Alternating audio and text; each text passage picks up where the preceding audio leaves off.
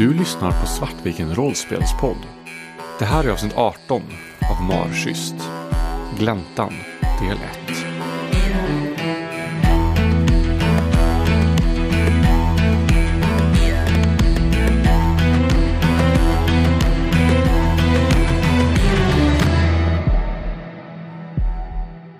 Jag tycker vi åker till Gläntan. Vi måste åtminstone se vad vi kan hitta där när vi, när vi vet att det finns någonting under stenen. Vad gör vi av Yoshiko då? Vi tar med oss Yoshiko. Okej. Jag backar Hon är lite. också en del av det här. Okej. Om alla verkar överens så släpper Annie armarna och går ner för trappan. Går mot badrummet. Ni samlar ihop er. Yoshiko går med på att följa med. Men hon verkar lite tillbakadragen och tyst. Hon tittar inte riktigt på någon av er. Men hon åker med. Vad tar ni med er när ni åker till Gläntan? Vad har ni med för utrustning, för prylar? Jag tänker att vi tar åtminstone med oss eh, grejer som eh, ja, typ en yxa och eh, spade från garaget. Kanske en repstump. Ja, vi har väl egentligen inte pratat ihop oss om så här, förväntningar på vad som ska hända vid gläntan. Så det är nog ganska olika vad man Mm. tänker att man behöver ha med sig. Vad tar Elias med sig? Annie verkar ta med sig handfast utrustning liksom. Och det är frågan. Jag är med min mobiltelefon, har jag. Men jag, Elias packar nog snarare typ så här ficklampa. Han tänker nog mer att, eh, ja, och kanske att så här, en hjälper till med spaden då. För jag tror att Elias tänker nog mer att det vi kommer möta där är i oss själva. Snarare än en, en fysisk motståndare. Vad plockar Robin med sig? Jag tar med mig eh, både det myntet som jag hittade förut och saker som jag tror skulle kunna förstöra ett liknande mynt eller båda två. Delvis eh, någon form av avbitartänger eller eh, verktyg för att bryta dem i. Delvis tändvätska och eh, tändare för att, jag vet inte, smälta mynten eller mjuka upp dem i alla fall. Och eh, jag tar nog också med en, eh, någon form av trädgårdsspade. Eh, för jag antar att det här ligger grävt under stenen. Elias vill nog också ta sig tiden. Om de andra plockar på sig mer utrustning, eh, vilket de verkar göra, så tänker jag att jag blir färdig först och kanske går och ställer mig vid bilen. Då passar jag på att eh, skicka iväg ett eh, sms till Rickard. Där jag skriver att eh, det blev väldigt högt tonläge igår. Och jag inte var beredd på att se honom där. Och att jag hoppas att vi kan prata efter. För att jag fortfarande ändå vill erkänna att jag har saker jag vill säga. Och att jag ändå fortfarande bryr mig om honom. Även om jag är besviken på hans agerande nu. Och det ligger ju också i bakgrunden att jag har ju det här vetskapen om att det var ju någonting mörkt i honom. Samma som var i, i Nils. Och att ja, Robins eh, lillebror och mamma har ju varit väldigt frånvarande. Så någonstans så är det ju ändå punkter som börjar kopplas ihop hos Elias. Att det här beteendet han inte riktigt känner igen hos Rickard och som han inte riktigt tycker om. Att det här att han känner sig liksom förrådd. Det Elias tänker nog att det potentiellt inte är Rickard. Och han... Eh, jag vill nog mest bara få någon form av livstecken från honom. Det känns jobbigt att inte ha hört från honom att vi ska åka till Glänta nu och inte veta att han är okej. Smset skickas och du ser en notis om att meddelandet är sett. Men du får inget svar. Och i och med att jag inte behöver leta runt så mycket så tänker jag att det är jag som kommer ut till bilen efterhand och kastar in spaden och yxan i bagageluckan. Sedan ställer jag mig bredvid Elias och väntar. Och jag kommer ju strax därefter. Jag är lite förvånad och ändå inte över att Annie hittar så bra i huset och i eh, förråden vart allting finns. Jag tror att du har bättre koll på vart allting är här än vad jag har någonsin haft. Eh, Men vi samlas i bilen. Efter en liten stund så kommer Yoshiko utsläntrande. Hon ser sammanbiten ut och lite blek. Men hon sätter sig i bilen under tystnad. Och jag sätter mig i baksätet tillsammans med Yoshiko. Jag kör. Ni åker den här vägen upp. Samma väg som ni åkte för tio år sedan när allt det här började. Ni känner igen er hur, där ni kör genom, genom Sverige. Och ni kommer så småningom in i skogen. Husen blir allt färre. Och till slut kommer ni tillbaka till platsen där ni slog upp läger. Den är sig lik till stor del. Men den är vildvuxen nu. Det verkar som att den inte blivit använd alls sedan ni var här senast. Men de gamla vindskydden står kvar. Bäcken porlar fortfarande. Stockarna runt eldstaden ser ensamma och övergivna ut. Det är runt lunchtid när ni kommer hit. När vi klivit ut ur bilen och sträcker på benen lite grann så går Annie lite tankspritt fram till eh, eldplatsen och står mest och tittar på den. Och i tankarna så går de här drömmarna och minnena om vartannat från just den här platsen. Jag insåg nu vad vi borde packat. Vi behöver ju ha en karta över skogen. Bilkarta. Ja, frå- alltså jag har ju en hyrbil.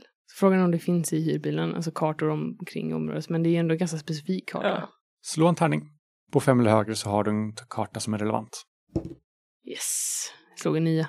Du rotar igenom handskfacket och lyckas hitta en karta där skogen faktiskt finns med. Mm. Den är inte superdetaljerad men det verkar vara tillräckligt för att gå att använda.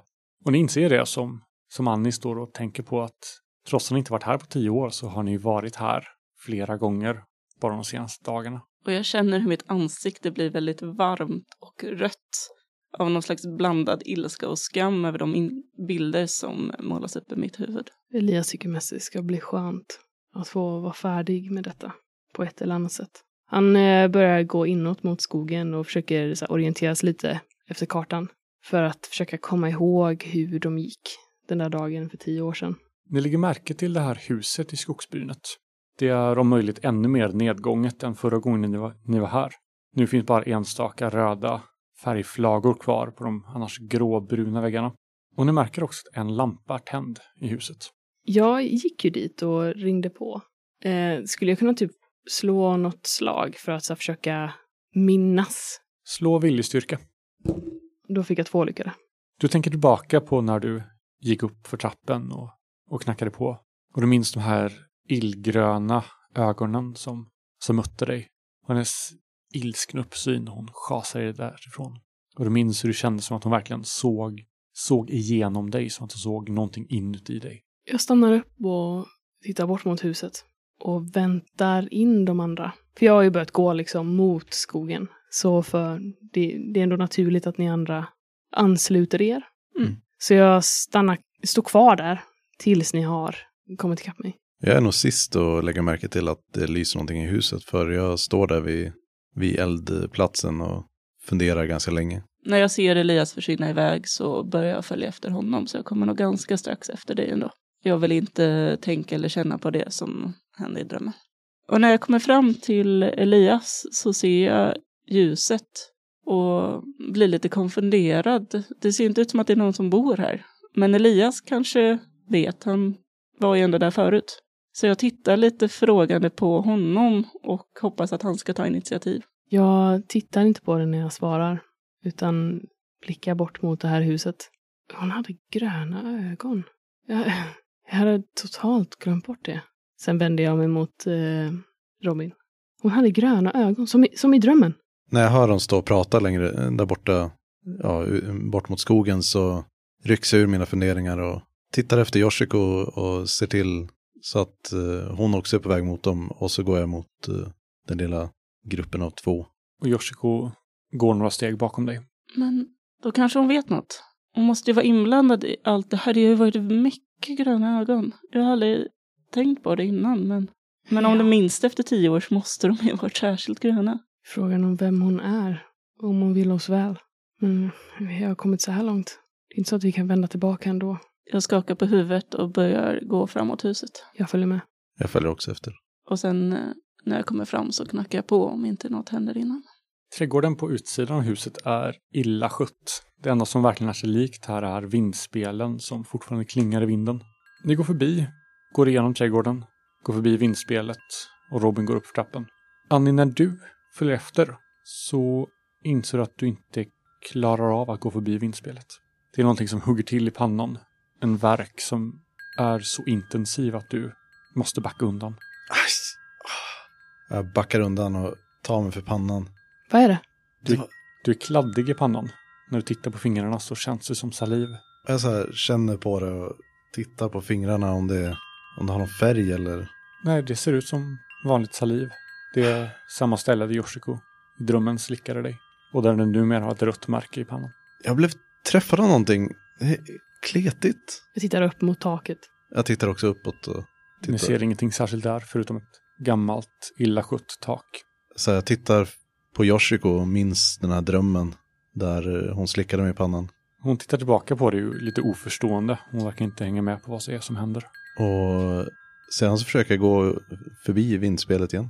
Och den här smärtan återkommer. Den återvänder omedelbart.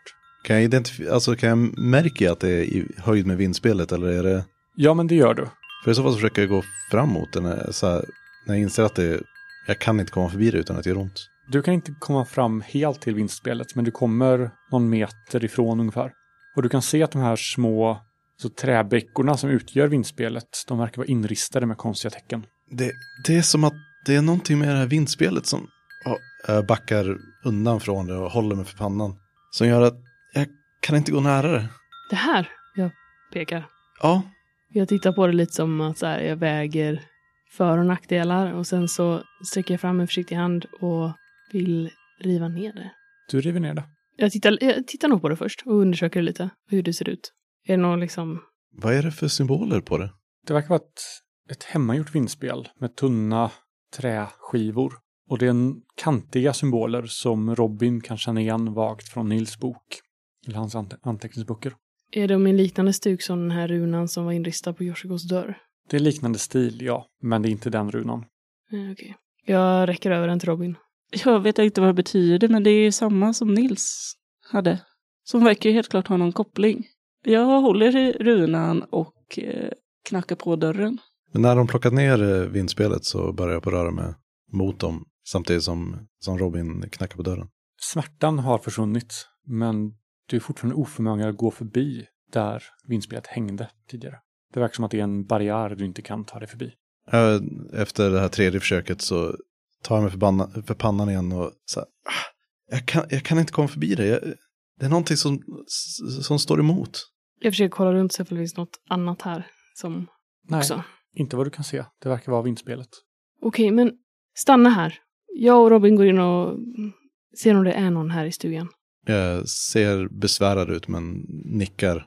Och Vanta Yoshiko är ute med mig eller går hon in? Hon följer med in. Jag går fram, innan, innan jag går in, så går jag fram till Annie och lägger en hand på din underarm tror jag. Så här liksom nästan som att jag håller den i, i min hand. Om du hör eller ser någonting, ropa på oss. Du kan se att mitt ansiktstryck förändras till tacksamhet och jag nickar tyst. Jag håller den här vindsnurran hårt i handen. Jag är väldigt bestämd över att knacka på och få någon slags förklaring och bli av med allt det här, få löst det. Eh, Så att jag väntar in Elias innan han kommer fram och eh, Yoshiko. Och sen så gör det återigen en ganska hård knackning på dörren.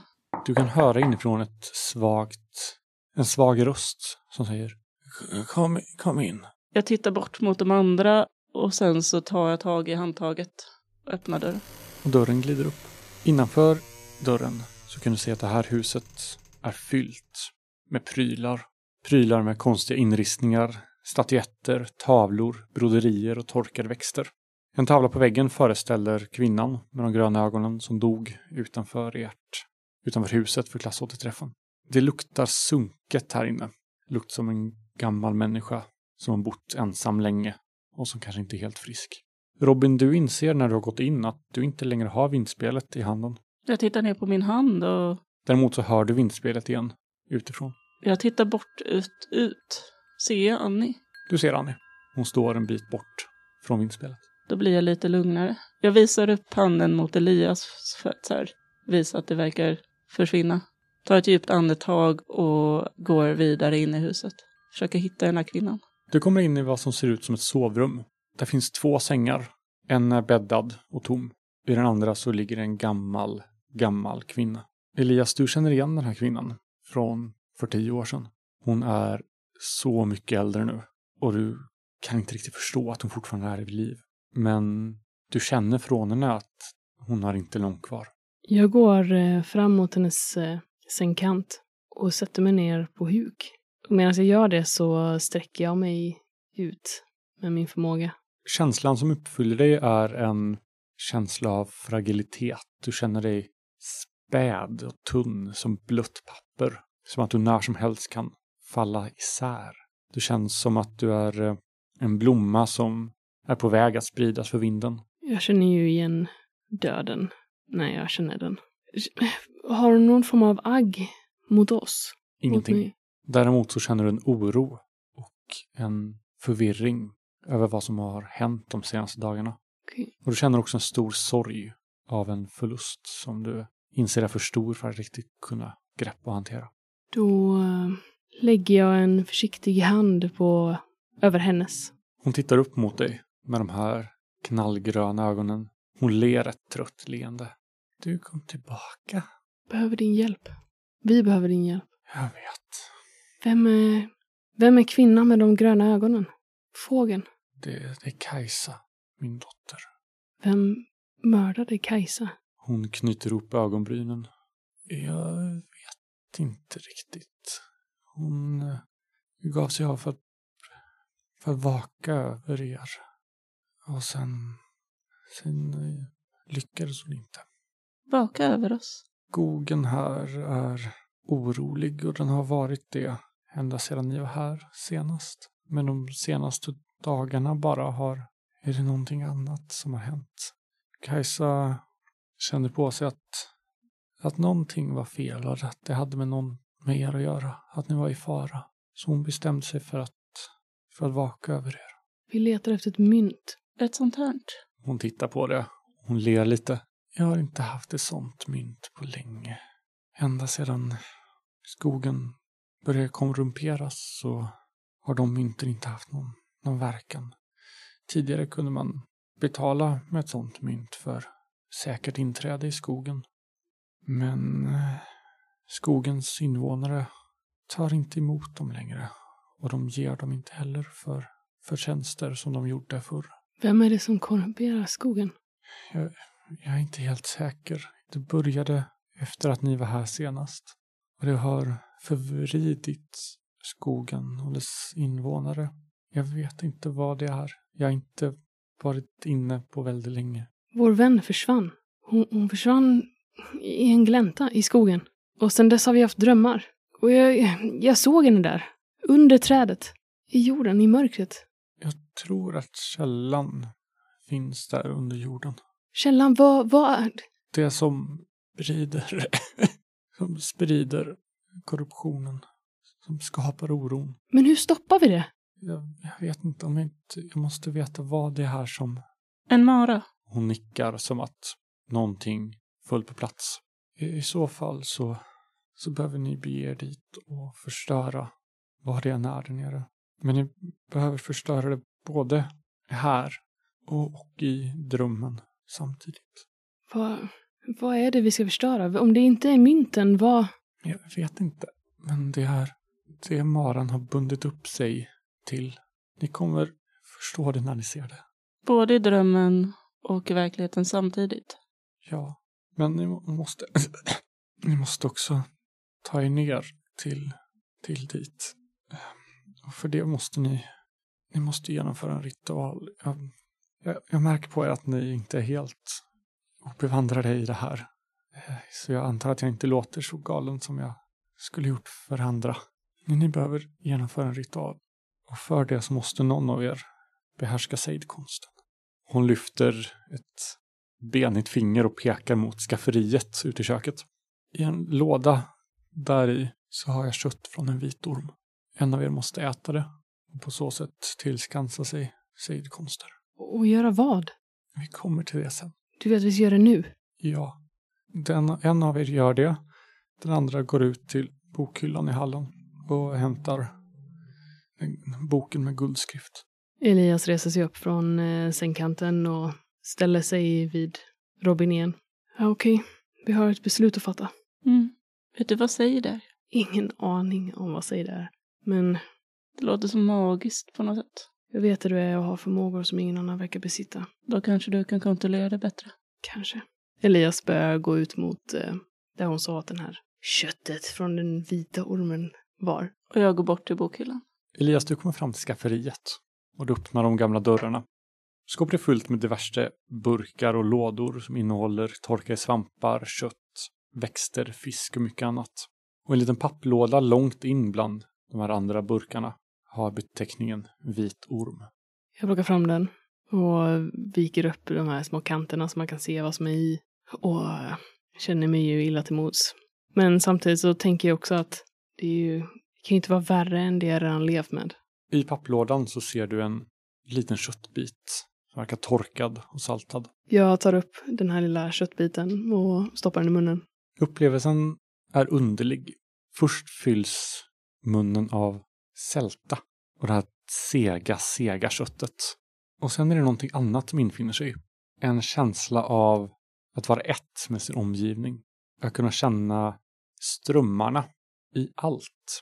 Du känner magin i gräset som växer utanför. Du känner sejden i vinden som viner. Det är som att du lagt till ett sinne till. Det är ungefär som en expansion. Alltså att jag expanderar den förmågan jag redan har. Det tänker jag.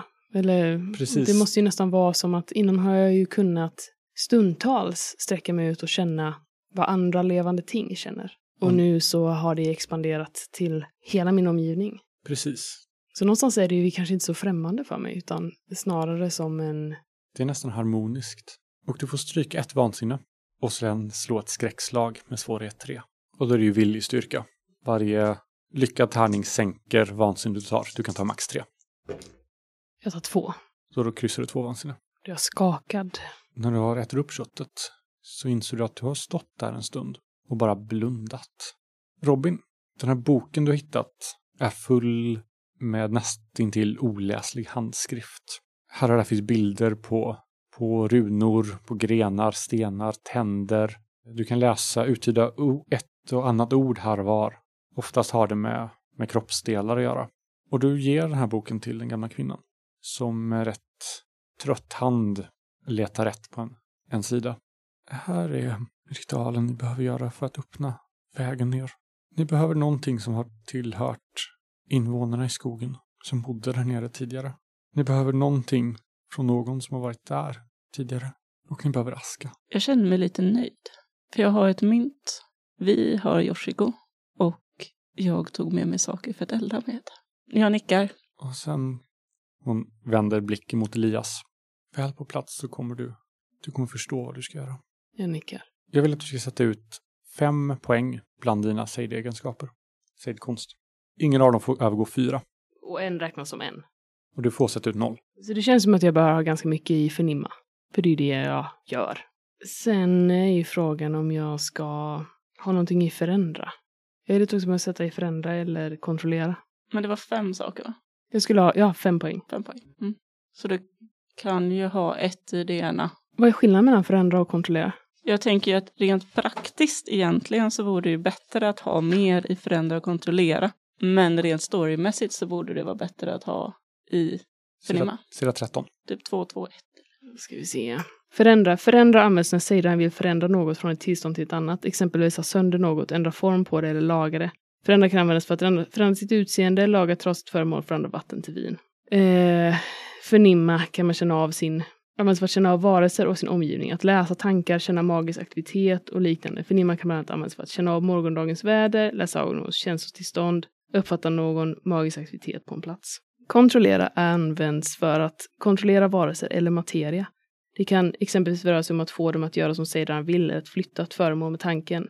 Kontrollera kan bland annat användas för att få någon att utföra en handling den personen inte skulle göra, plantera en tanke i huvudet på någon, förflytta ett föremål utan att vidröra det. Alltså, det känns ju med tanke på att vi ska så här förstöra grejer.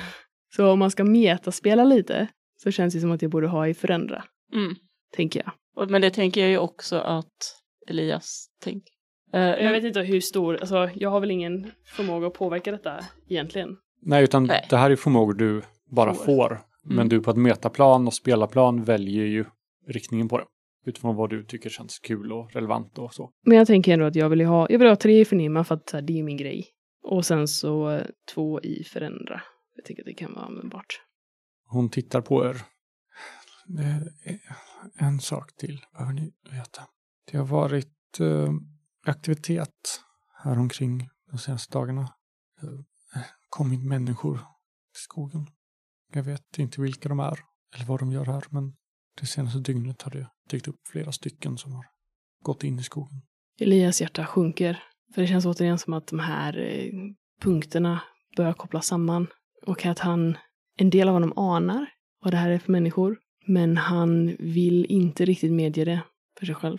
För han vill att Rickard ska vara trygg och säker och så långt bort från det här som han möjligtvis kan vara. Och vi klipper till Annie. Du ser hur dörren stängs bakom dina vänner som går in i huset. Någon sekund senare så hör du än en gång det här plingandet från, från vindspelet. Och när du vänder blicken ditåt så hänger det i trädet igen. Jag känner mig förvirrad men går mot igen lite som att jag tänker att vi, att jag nog bara tänkte att vi tog ner det, att jag inte gjorde det. Så jag försöker gå framåt igen. Och när du kommer närmare så känner du också hur smärtan återvänder. Och då känner du någonting blött rinner ner för ögonbrynet och ner i ögat. Är det en skarp smärta eller är det mer en så här tryckande? När du närmar dig långsamt så smyger den på. Om du rör dig fort så kommer den plötsligt. För jag testar att liksom pressa mig igenom den. När smärtan är stark nog så är också... Du får en känsla av att du inte kan gå vidare. Det är som någonting som bara... Det är som en vägg du inte ser. Du kan inte förmå dig att ta ett steg till. Jag backar undan och... Ah, oh, mm. Inifrån skogen nu så känner du dig kallad. Du känner att det är någon som vill ha dig där. Det är en välkomnande känsla. Precis tvärt emot den du får av, av den här platsen, där du inte är välkomnad. Du känner lockelset i skogen. En gemenskap som väntar där inne. Kan jag motstå det på något sätt eller känns det bara lockande? Du kan slå viljestyrka. För jag vet ju ändå att det är någonting, something's fucky going on. Men eh, då fick jag två lyckade. Du är medveten om det här, om den här lockelsen. Och du inser att du kan välja att stanna kvar här och motstå den. Men att det kommer vara krävande för dig mentalt. Du kommer ta ett vansinne om du stannar kvar. Jag sveper mina armar runt mig och liksom kramar mig själv. Och står där, vänd mot skogen.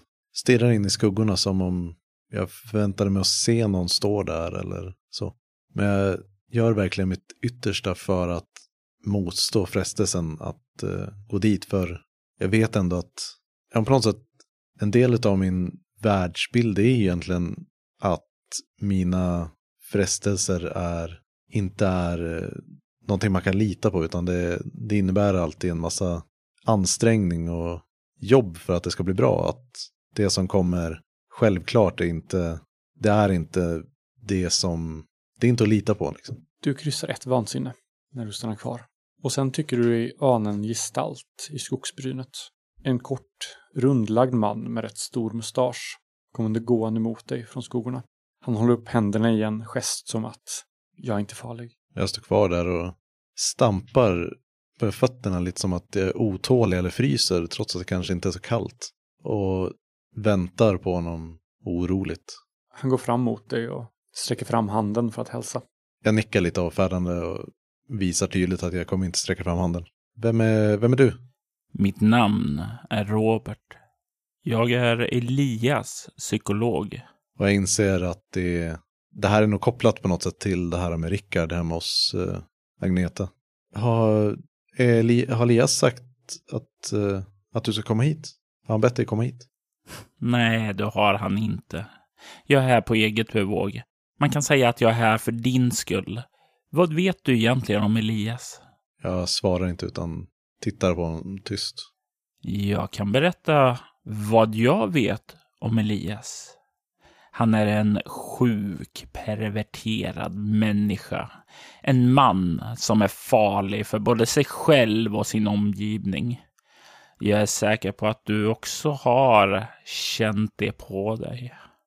I minnena så går jag igenom det här med de blodiga fotspåren i glaset på återföreningen och allting jag har sett. Och jag tittar lite oroligt tillbaka mot huset där jag har sett Elias, Robin och Yoshiko gå in. Eh, och det kan Robert se att jag sneglar oroväckande, eller sneglar oroligt ditåt.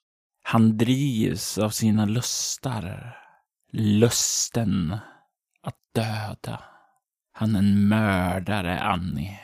Jag nickar. Jag nickar inte nödvändigtvis för att jag håller med honom eller tror att han har rätt, utan mer att jag, jag vet att det är någonting fel här. Och jag vet inte vad det är för någonting, men jag har absolut en känsla av att jag kan inte lita på att den här Robert är, är den han säger sig vara, egentligen.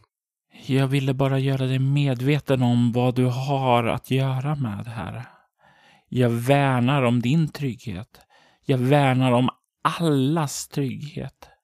Jag önskar att jag kunde säga samma sak om Elias. Så ja, jag kände bara att var medveten om det. Och när han börjar bete sig underligt, för det kommer han att göra, så vet du vad du har att vänta. Det går en kall kår längs, längs ryggraden och jag fortsätter hålla armarna tätt runt mig. Jag nickar, lite, nickar avfärdande igen mot honom och så här, vill mest att han ska sluta prata och gå härifrån. Han vänder sig om och, och går in mot skogen igen. Sen stannar han till och vänder sig mot igen en sista gång och säger att Det är han. Det är Elias som ligger bakom allt det här. Han måste stoppas. Och jag vet ju absolut att jag har ingen anledning att inte tro på det den här personen säger, men det är ju konstigt att någon skulle komma plötsligt ut ur skogen och berätta såna, någonting sånt här för mig och sedan, eh, och sedan eh, bara försvinna in i skogen igen. Det, det är inte normalt. Och jag är ganska bra på det här med normalt för att det är det jag, det är det jag hela tiden arbetar för att projicera. Att det, jag vill framstå som normal och det här är inte ens i närheten av så normalt som det verkar. Så jag, jag står där och fortsätter huttra lite grann och tittar oro, oroligt mot huset för att se om jag ser någon skymt av de andra. och efter en liten stund så öppnas dörren igen och de tre kommer ut. Då vänder jag mig mot dem och ser lite lättare ut och, men tittar ändå oroligt på Elias. När ni öppnar dörren så ser ni Annie som står där ute och tittar tillbaka mot er. Och det är svårt att läsa hennes ansiktsuttryck.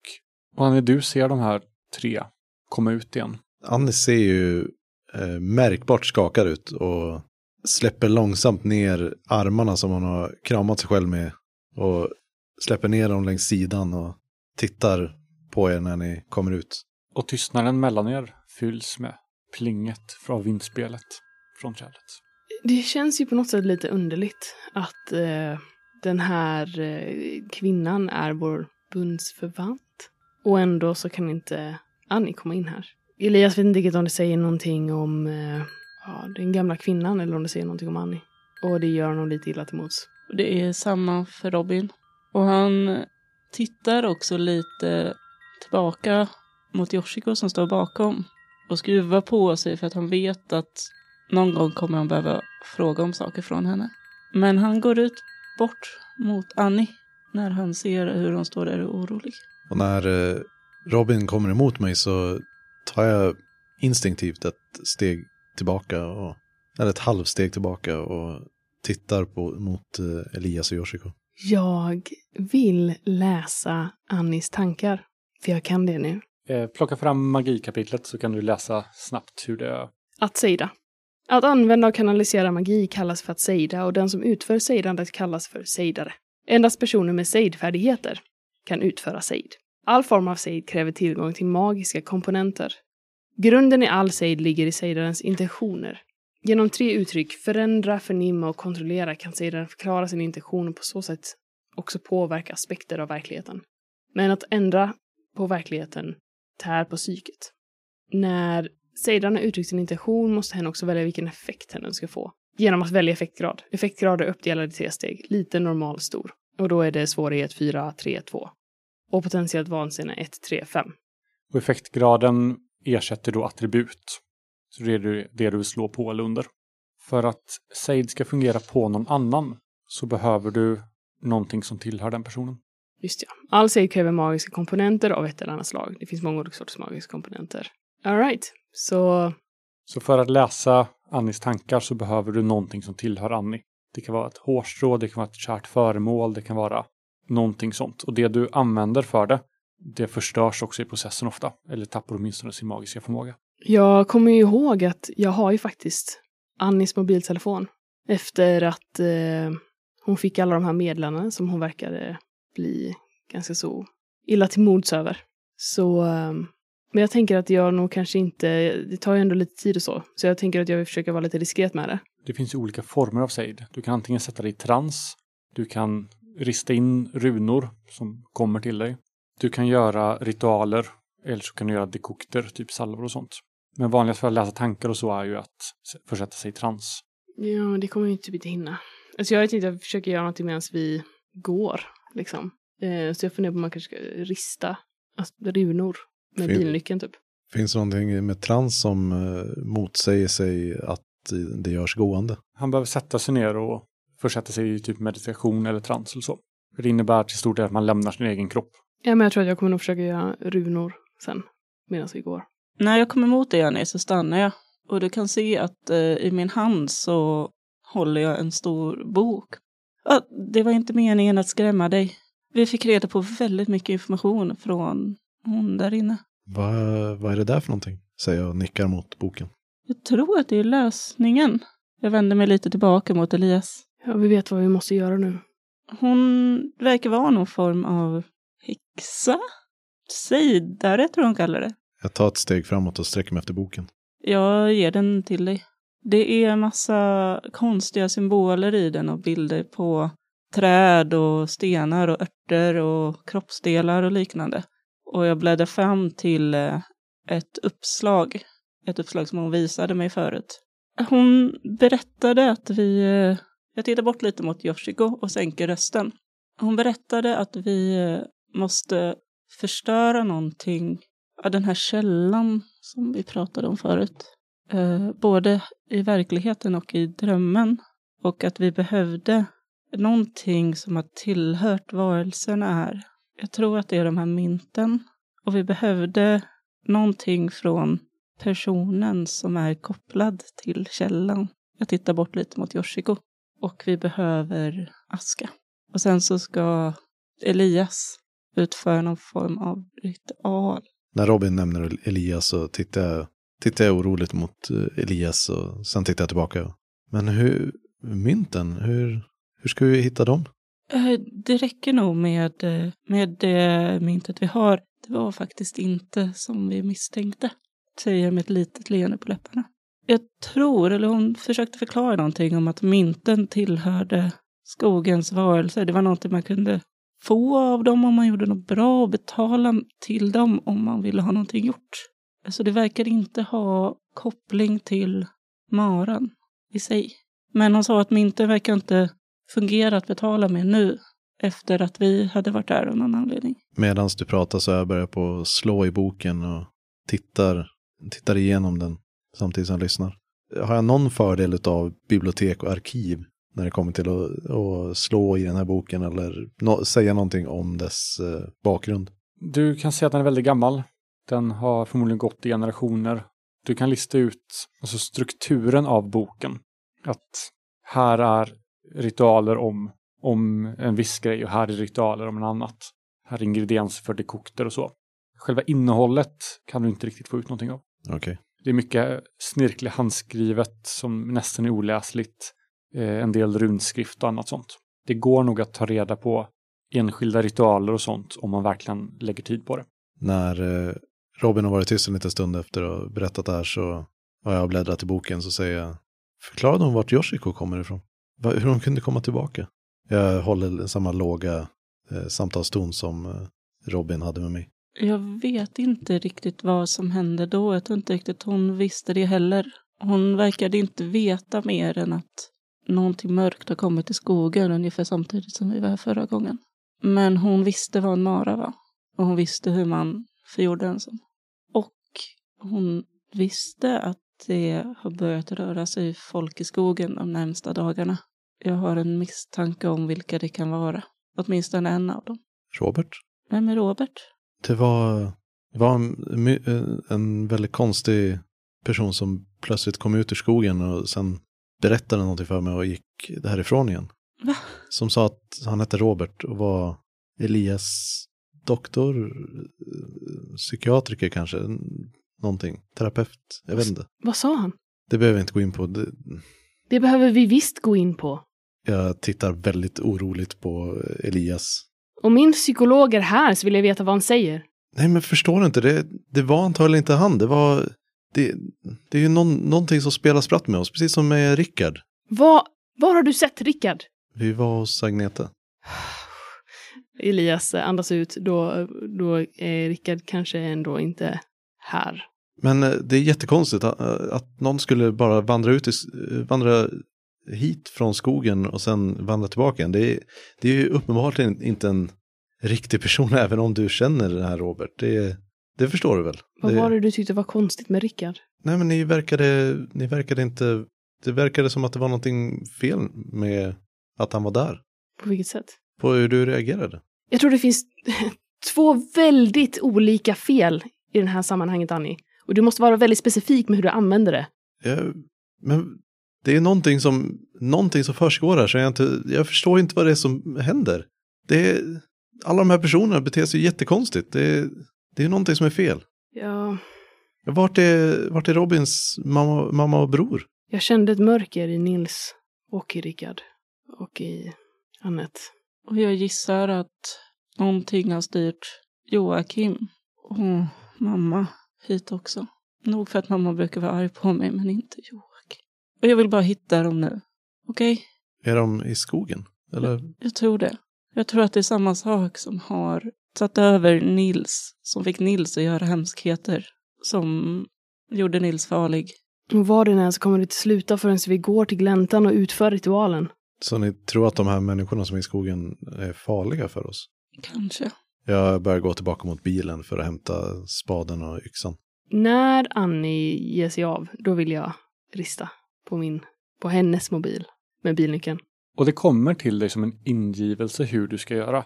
Det är ingenting du reflekterar över utan att du börjar rista vilka runor du ristar. Det bara känns naturligt.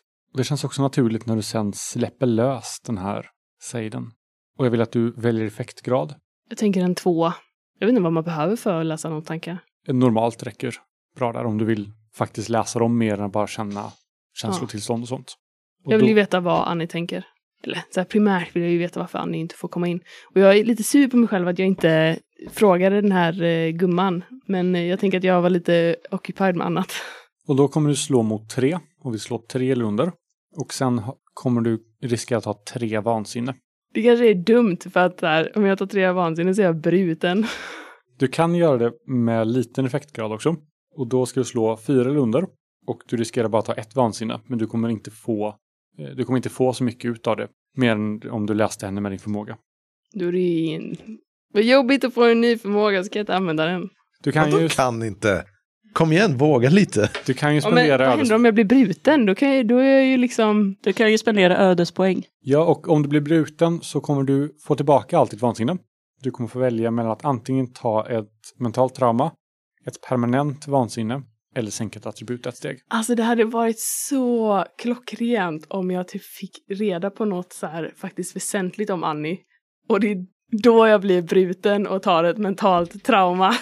Frågan är hur mycket vansinne kommer du ta av att läsa Annis tankar? Och sen när du har slagit, Två mentala trauman. när du har slagit slaget, en lyckad kommer krävas för att genomföra sejden. Mm. Fler lyckade kan använda sen för att sänka ditt potentiella vansinne. Om du inte lyckas sänka det till noll så får du dessutom göra skräckslag och försöka rensa bort fler. Alltså mängden vansinne som man tar av sig, det, det är potentiell vansinne så du slår fortfarande för att motstå det Ja, vansinnet. precis. Ja. Ja, right. Ja, nej men alltså det passar ju så väl någonstans. Att jag, det, it's a long time coming. Annie har varit väldigt hemlighetsfull. Och det känns som att jag verkligen sitter på nyckeln in till Annis värld. Vad, vad är grejen med Annie? Vad är det Annie vet? Och du spenderar inga eller så för det. Eh, jag glömmer alltid det. Ja, Jag fick en lycka i alla fall. Och nu behöver du ju då, då slår du viljestyrka Mm. mot svårighet 3. Yes. Så varje lyckat nu sänker eh, vansinne du tar med ett. Och då spenderar jag två ödespoäng så jag får två till. Två till tärningar. Eh, nej. Ingen. alltså det var så här, jag visste att det här skulle hända. Då tar du tre vansinne. Och blir bruten av vetskapen av vad som finns i Annis huvud.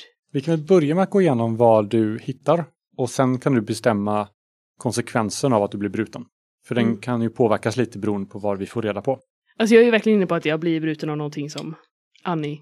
Ja, precis. Men beroende på vad du får veta så kanske du vill antingen ta mentalt trauma eller permanent vansinne eller sänka ett attribut. Så jag tänker att vi först går igenom vad du får reda på och sen fastställer konsekvensen. Så Christer, dina tankar blir lästa. Den eh, tydligaste bilden i Annis hjärna just nu, det är nog utav Det är som att eh, hon loopar de här eh, alla gångerna som eh, Elias har betett sig konstigt. När du gick över glaset eh, i, på återträffen och vilka andra saker du nu har gjort. och allt är liksom till, ja men det nästan narreras utav Roberts röst. Eh, när han berättar om eh, hur Elias egentligen är ute efter att mörda oss. Och bara drivs av blodslust mer eller mindre. Det är liksom, om man gräver längre så är det liksom ett så här, det här samtalet som jag hade med den här Robert som kom ut ur skogen som är förstärkt och blivit läskigare än vad det kanske egentligen var. Men det, det är verkligen, bygger den här bilden av Elias som mordisk, mer eller mindre. Och hur funkar minnesläsning överlag? Vad är det? Det finns inga färdiga regler kring det. Men vi kan väl säga att Moa ställer frågor som Christer besvarar. Mm. Mm. Och så får du ett antal frågor på det liksom. Hur många frågor? Tre? Och då eh, det behöver inte vara ja nej frågor. Utan det kan ju vara utvalgade svar också. Alltså det jag primärt vill ha reda på är varför Annie inte riktigt kunde komma in i stugan. Men frågan är hur jag liksom Mm. formulerar det eller letar efter det. Frågan är om Annie ens vet det. Om det är ett svar du kan hitta. Det jag tänker är liksom så här, någonting konstigt måste ju ha hänt Annie. Även om Annie inte förstår det då så kommer man fortfarande kanske uppleva det som konstigt. Som skulle kunna förklara varför Annie inte får komma in här. Det, är typ så mina tankar går. Eh, men, men primärt, jag tänker så här, Elias vill du egentligen veta eh, jag tror ändå att jag formulerade det så, liksom, att varför fick inte Annie komma in i stugan? För han vill också ha reda på om det finns ett aktivt uppsåt hos Annie. Där liksom Annie vet mer än vad hon har berättat för oss. Och det du ser när, eh, när du letar efter den informationen är väl att eh, de här drömmarna om eh, kråkorna med gröna ögon och hur eh, Yoshiko slickar eh, Annie i pannan eh, i en av återblickarna. Men inget, inget tydligt svar om varför Annie inte kunde komma in i huset. Nej, okej. Det är ju frågan, jag ställer nästa fråga då. Vad är grejen med Annie och Robin? De eh, minnen du kan hitta där, det är väl eh, brottstycken av tiden efter gymnasiet. När vi flyttade till Stockholm och försökte, försökte oss på eh, ett liv där. Och du kan väl känna av Annis bitterhet och hur uttråkad hon var med relationen. Men samtidigt så finns även det här minnet om de gånger som Robin var brusade upp mot henne och när han slog till henne. Det här tillfället innan hon träffade Sebastian och de bröt upp helt och hållet. Och det leder mig vidare till Sebastian, för jag vet ju att du fick sms från någon som heter Sebastian, som Mm. du gjorde det väldigt illa till mods. Så då vill jag ju också veta vad, min sista fråga är, vad är, vad är grejen med Sebastian liksom? Varför, vem är Sebastian? Och det, det är ju minnen av den här väldigt snälla och omtänksamma partnern som bara var väldigt tråkig för Annie i slutändan. Hur han har eh, ja, men så här, försökt att behålla en positiv relation efter att eh, Annie skilde sig från honom och flyttade till, eh, eh, när de flyttade tillbaka till Lysekil. Och det finns ju även den här förvirringen över när den här drömmen, när eh, Sebastian är den som är aggressiv mot henne på samma sätt som Robin var. Och när eh, Annie börjar få de här smsen från Sebastian om hur det är hennes fel. Och att hon inte riktigt förstår vad det är som händer. Så sammanfattningsvis då, det Elias får ut av att blicka in i, i Annis tankar, det är ju att dels alltså att du är rädd för mig. Dels alltså att eh, du inte vet så mycket om vad som pågår här, utöver oss. Och att du inte vet varför du inte fick komma in i huset. Men att du blev märkt i din dröm av Yoshiko. På exakt samma ställe som, det, som du tog dig för när du inte fick komma in i stugan. Och att du, eh, den här Sebastian som skickar sms till dig är din exman. Precis. Men att du inte förstår varför du får de här. Så Jag egentligen, inte okej, förstår varför jag får det från honom. men det fanns en underton där av att du förstår varför du får smsen. Nej, det gör jag inte heller. Så. Right. Så att egentligen eh, inte ett hot mot mig. Elias, först och främst ska vi gå igenom vad som händer när, när du blir bruten. Du kommer välja att antingen ta ett mentalt trauma, att höja vansinne permanent en nivå så att du alltid är illa berörd, eller sänka ett attribut ett steg. Vad finns det för de olika mentala trauman? För någonstans är jag ju lite sugen på att eh, i och med att jag, det var inte befogat. Och jag måste kanske sluta gå genom livet och tro att Att jag förtjänar att behandlas illa. De som finns är då trollgirig. Han blir, eh, börjar känna ett oförklarligt behov av att samla på glimmande saker. Eh, demonvrede, att du upplever ett konstant raseri som riskerar att ta över. Eh, draugfixering, att du eh, hittar någonting som du blir överbeskyddande mot till en sjuklig nivå. Eh, gastskugga, att du känner dig förföljd hela tiden. Ulvhunger, att du börjar känna en outgrundlig hunger för rått kött. Och råbunden som inte riktigt är applicerbar här. Sen har varje mentalt trauma tre nivåer, så du kommer få nivå ett. När du blir brut om du blir bruten igen så kommer du kunna välja då att, att höja ett steg och då blir det mer intensiv. Mm. Om du vill så kan du hitta på ett eget mentalt trauma. Alltså det var lite det jag var inne på. Alltså att jag, det, det skulle vara ha något som är kopplat till min lögn. Att jag förtjänar att ha behandlats illa. Och att det här är någonsin, alltså någonstans så eh, hamnar jag ju face to face med min lögn nu. Vilket eh, skulle kunna skapa självförakt, tänker jag. Men jag vet inte riktigt hur det skulle kunna ta sig uttryck i ett mentalt trauma. Nej, för mentala trauman är ju medvetet inte liksom de här klassiska schizofreni och, och så, utan det är ju liksom någonting annat. Det hade varit lite roligt om jag blev besatt av Annie. Ja, men en draugfixering om Ja. Annie. Att, Jag måste beskydda Annie. ja, en, en känsla av ägandeskap och fixering och skyddsbeteende. Det kan ju också vara din pojkvän. Men det är inte riktigt kopplat till Det kanske inte är den här kopplat till det som- situationen så Nej, mycket. alltså jag hade gärna velat att det ska vara kopplat till tankarna. Alltså att jag Ja. gick in och läste Annies tankar. Du inser att Annie är helt eh, oskyldig till eh, någonting och eh, därmed.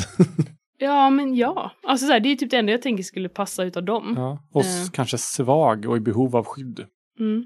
Vilket slår slint liksom. skulle vara en intressant vändning också på eh, vår relation från gymnasiet. Ja, faktiskt. Och det, det knyter ju ändå in till min eh, lögn också då. Så att jag tänker ju att jag förtjänar att behandlas illa, därför utgår jag från att folk- kommer behandla mig illa.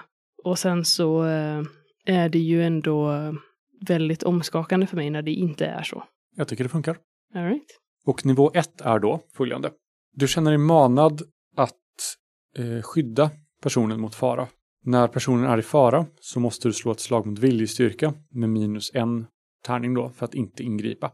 Du kan välja att stå emot där, eh, den här ingivelsen men då tar du omedelbart ett vansinne. Det är inte lätt att vara Annie. All these crazy boys. Och du känner också i din hand den här mobilen som du har ristat i med nycklarna. Att den bränner till och verkar kortslutas. När du tittar på den så är hela, hela skärmen är sprucken och det ryker lite om den. Den verkar vara förbrukad. Jag kastar den ifrån mig, alltså lite så här nästan handfallet och tittar efter den med en känsla av skuld och skam. Att jag inte riktigt kan förstå att jag har gjort det jag precis gjort. Men äh, Annie har aldrig gjort mig illa. Annie har aldrig menat illa. Och jag skäms. Du kan också sudda ut alla vansinne. Annie, du kommer fram till bilen för att hämta dina prylar. Jag öppnar bagageluckan och plockar ur eh, yxan och spaden. Och jag går också dit och plockar på mig påsen med tändsaker, verktyg och tar en spade också. Kanske tar den sista och, och ger bort till Elias. En stank av bränd elektronik ligger i luften. Jag blir lite orolig för bilen.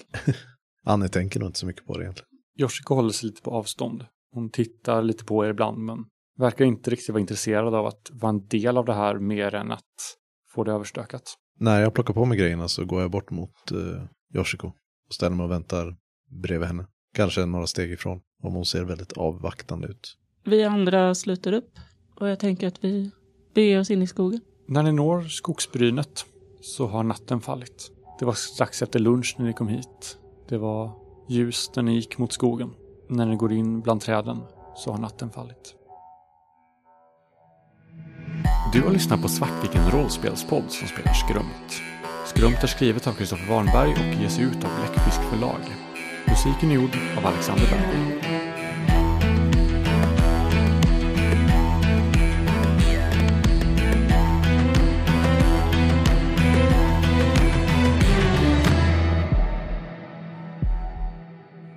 Tack för att du har lyssnat.